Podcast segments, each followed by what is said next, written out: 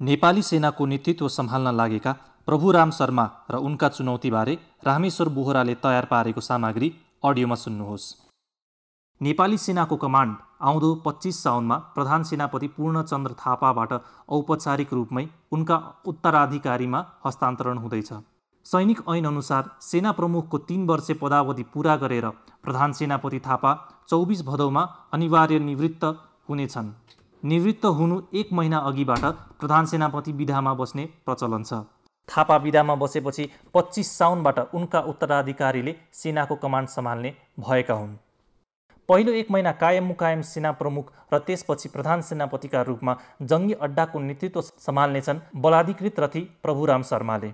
मन्त्री परिषदको मङ्गलबार साउन बाह्रको बैठकले शर्मालाई पच्चिस साउनदेखि कायम मुकायम प्रधान सेनापतिको जिम्मेवारी दिने निर्णय गरिसकेको छ। प्रधान सेनापति थापाले भने धेरै अघिबाटै आफूपछि शर्माले सेनाको बागडोर सुम्पिने तारतम्य मिलाइसकेका थिए।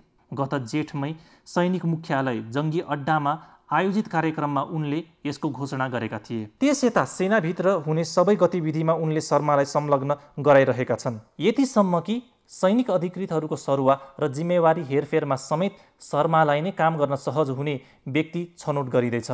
जङ्गी अड्डाका एक उच्च सैनिक अधिकृतले भने यसपालि नेतृत्व हस्तान्तरणको तयारी अलि पहिलेदेखि नै भयो। त्यही भएर पनि चिफ साहब हुँदाहुँदै हुनेवाला चिफ साहबको व्यस्तता निकै बढेको छ। शर्मा सेनाभन्दा बाहिर खासै चर्चा नभएका जर्नेल हुन्। त्यही कारण उनीबारे धेरैलाई जानकारी छैन। तर सेनाभित्र भने नेतृत्वमा पुग्नका लागि उनी सम्भवतः सबभन्दा धेरै ग्रुमिङ पाएका सैन्य अधिकृत हुन्। सेनाभित्र कतिपयले टिप्पणी गर्छन् हुनेवाला चिफ साहब सरल हुनुहुन्छ मिठो बोल्नुहुन्छ तर यस्तो सङ्कटको बेला सेनालाई चुस्त नेतृत्व दिन चाहिँ कति सक्नुहोला? सैनिक कमान्डर कडा मिजास र स्वभावको हुनुपर्ने बुझाइले पनि भावी सेनापतिबारे यस्तो टिप्पणी भएको हो। काठमाडौँमा जन्मिएका शर्मा तुलनात्मक रूपमा नरम स्वभावका जर्नेल हुन्। देश यस्तो सङ्कटको अवस्थामा छ। कसैलाई नबिझाउने मिठो बोल्ने नयाँ चिफ साहबको स्वभाव यो परिस्थितिमा फिट पो कति होला? जङ्गी अड्डाभित्र यस्तो टिप्पणी पनि सुनिने गर्छ।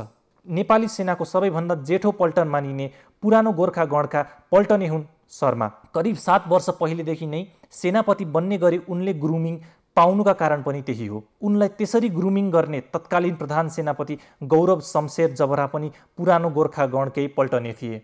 जबरालाई के सजिलो भइदियो भने उनी सेनाको नेतृत्वमा पुग्दा शर्मा प्रधान सेनापति बन्ने लाइन क्लियर भइसकेको थियो। जबरा अघिका प्रधान सेनापति छत्रमानसिंह गुरुङको पालामा नै महासेनानी रतिन्द्र खत्रीको म्याद थप नभएपछि उनकै ब्याची शर्मा भावी प्रधान सेनापति बन्ने निश्चित भयो।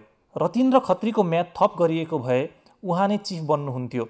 भाग्य प्रभुराम साहबको बलियो रहेछ।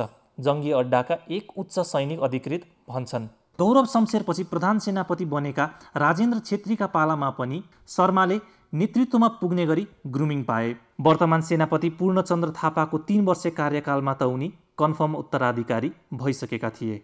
सेनाको युद्ध कार्य महानिर्देशनालयलाई प्रधान सेनापति बन्ने सबैभन्दा महत्त्वपूर्ण डिजिएमओ खुड्किलो मानिन्छ। सैन्य अपरेसन र सैनिक गुप्तचर संयन्त्र यही महानिर्देशनालय अन्तर्गत सामान्यत रहन्छन्। अहिले भने सैनिक गुप्तचर महानिर्देशनालय नै स्थापना भएको छ। प्रधान सेनापतिको लाइनमा रहेका बाहेक अन्य जर्नेलले डिजिएमओ नेतृत्व गर्ने अवसर पाउँदैनन्। कतिपय त प्रधान सेनापति बन्नेले नै पनि यो अवसर पाउँदैनन्। छत्रमान सिंह गुरुङ राजेन्द्र छेत्री र पूर्णचन्द्र थापाले प्रधान सेनापति बन्नु अघि यो महानिर्देशनालयको नेतृत्व गर्न पाएनन्।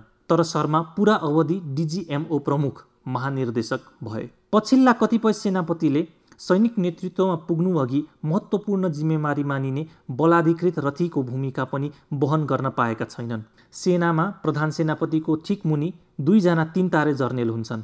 तर रथी शर्मा यस्ता भाग्यमानी सैनिक अधिकृत हुन् जसले बलाधिकृत रथी मात्र होइन बलाध्यक्ष रथीको समेत जिम्मेवारी सम्हाले। अर्का रथी ईश्वर हमाल संयुक्त राष्ट्र सङ्घको फोर्स कमान्डरका रूपमा गोलान हाइट सिरिया गएपछि शर्मालाई थ्री स्टार जनरलका रूपमा एक्लै काम गर्ने अवसर जुरेको हो।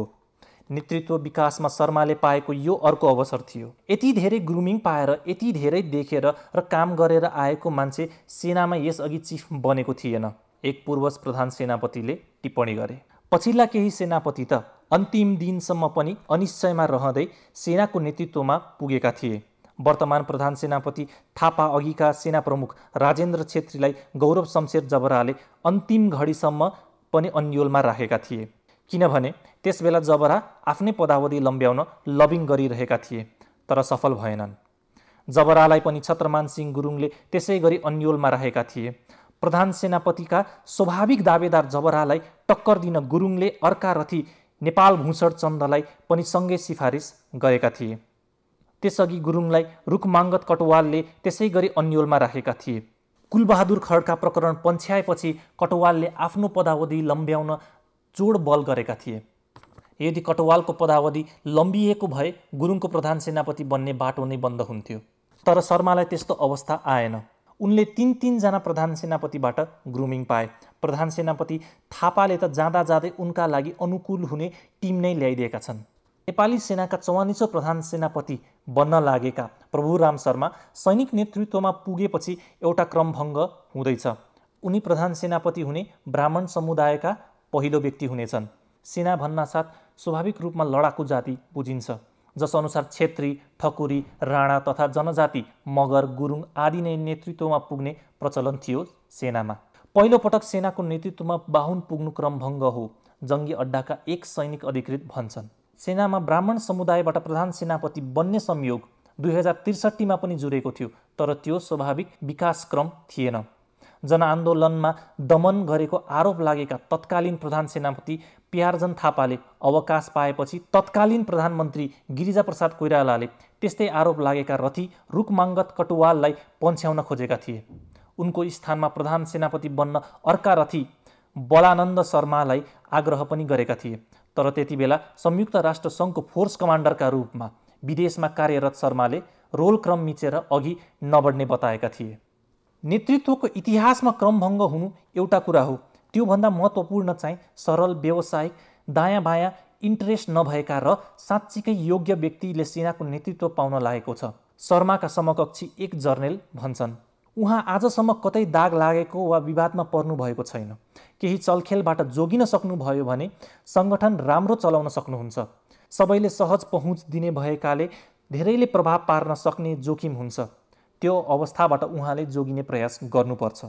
पूर्व उपरथी विनोद बस्न्यात बिस बेसीका सैनिक अधिकृत मध्ये शर्मा सम्भावनायुक्त अधिकृत भएको र सेनामा सबैलाई समेटेर लैजाने खुबी रहेको बताउँछन्।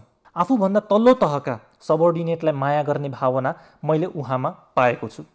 कसैले केही गर्यो भने उत्तेजित नभई संयम तरिकाले ह्यान्डल गर्ने स्वभाव छ। उहाँबाट मलाई धेरै आशा छ बस्न्यात भन्छन्। गुल्म र बटालियनसँगै बाहिनीपति सैनिक सचिव प्रितनापति र डिजिएमओ महानिर्देशक हुँदा उनले आफ्नो क्षमता देखाइसकेका छन्। तर प्रधान सेनापतिका रूपमा आउने चुनौती भिन्न हुनेछ जस्तो गौरव शमशेर जबरा प्रधान सेनापति हुँदा उनीसँग धेरै अपेक्षा गरिएको थियो। तर उनले नै सेनामा नातावाद कृपावाद र प्रतिशोधको भावनालाई बढाइदिए आर्थिक उपार्जनको मोह थपिदिए। धेरैको बुझाइ छ जबराले त्यो अपेक्षामा आफूलाई खरो उतार्नै सकेनन्।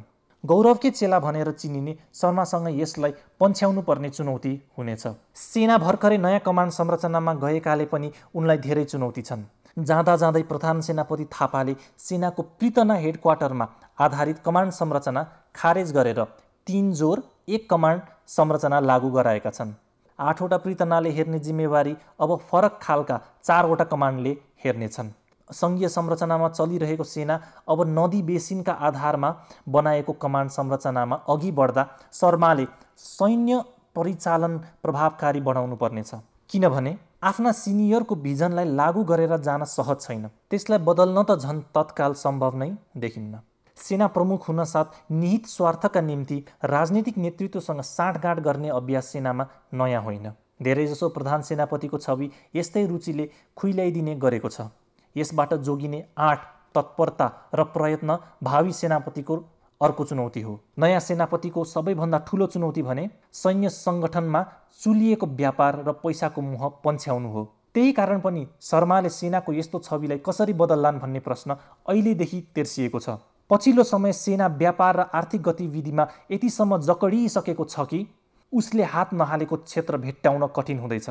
आफ्नै ऐतिहासिक धरोहर त्रिचन्द्र मिलिटरी हस्पिटल मासेर व्यापारिक कम्प्लेक्स सञ्चालनमा ल्याइसकेको सेना काठमाडौँलाई तराईसँग जोड्ने द्रुत मार्ग निर्माणको ठेक्काले थप विवादमा परेको छ। कोरोना कालमा स्वास्थ्य सामग्री र उपकरण ल्याउन अग्रसर भएपछि त्यसले पनि सेनाको छवि थप धुमिल बनायो। आर्थिक सुशासन कायम गर्ने संवैधानिक उपायहरू छल्न राजनीतिक नेतृत्वले धेरै काममा सेनालाई नै अघि सार्ने गरेको छ।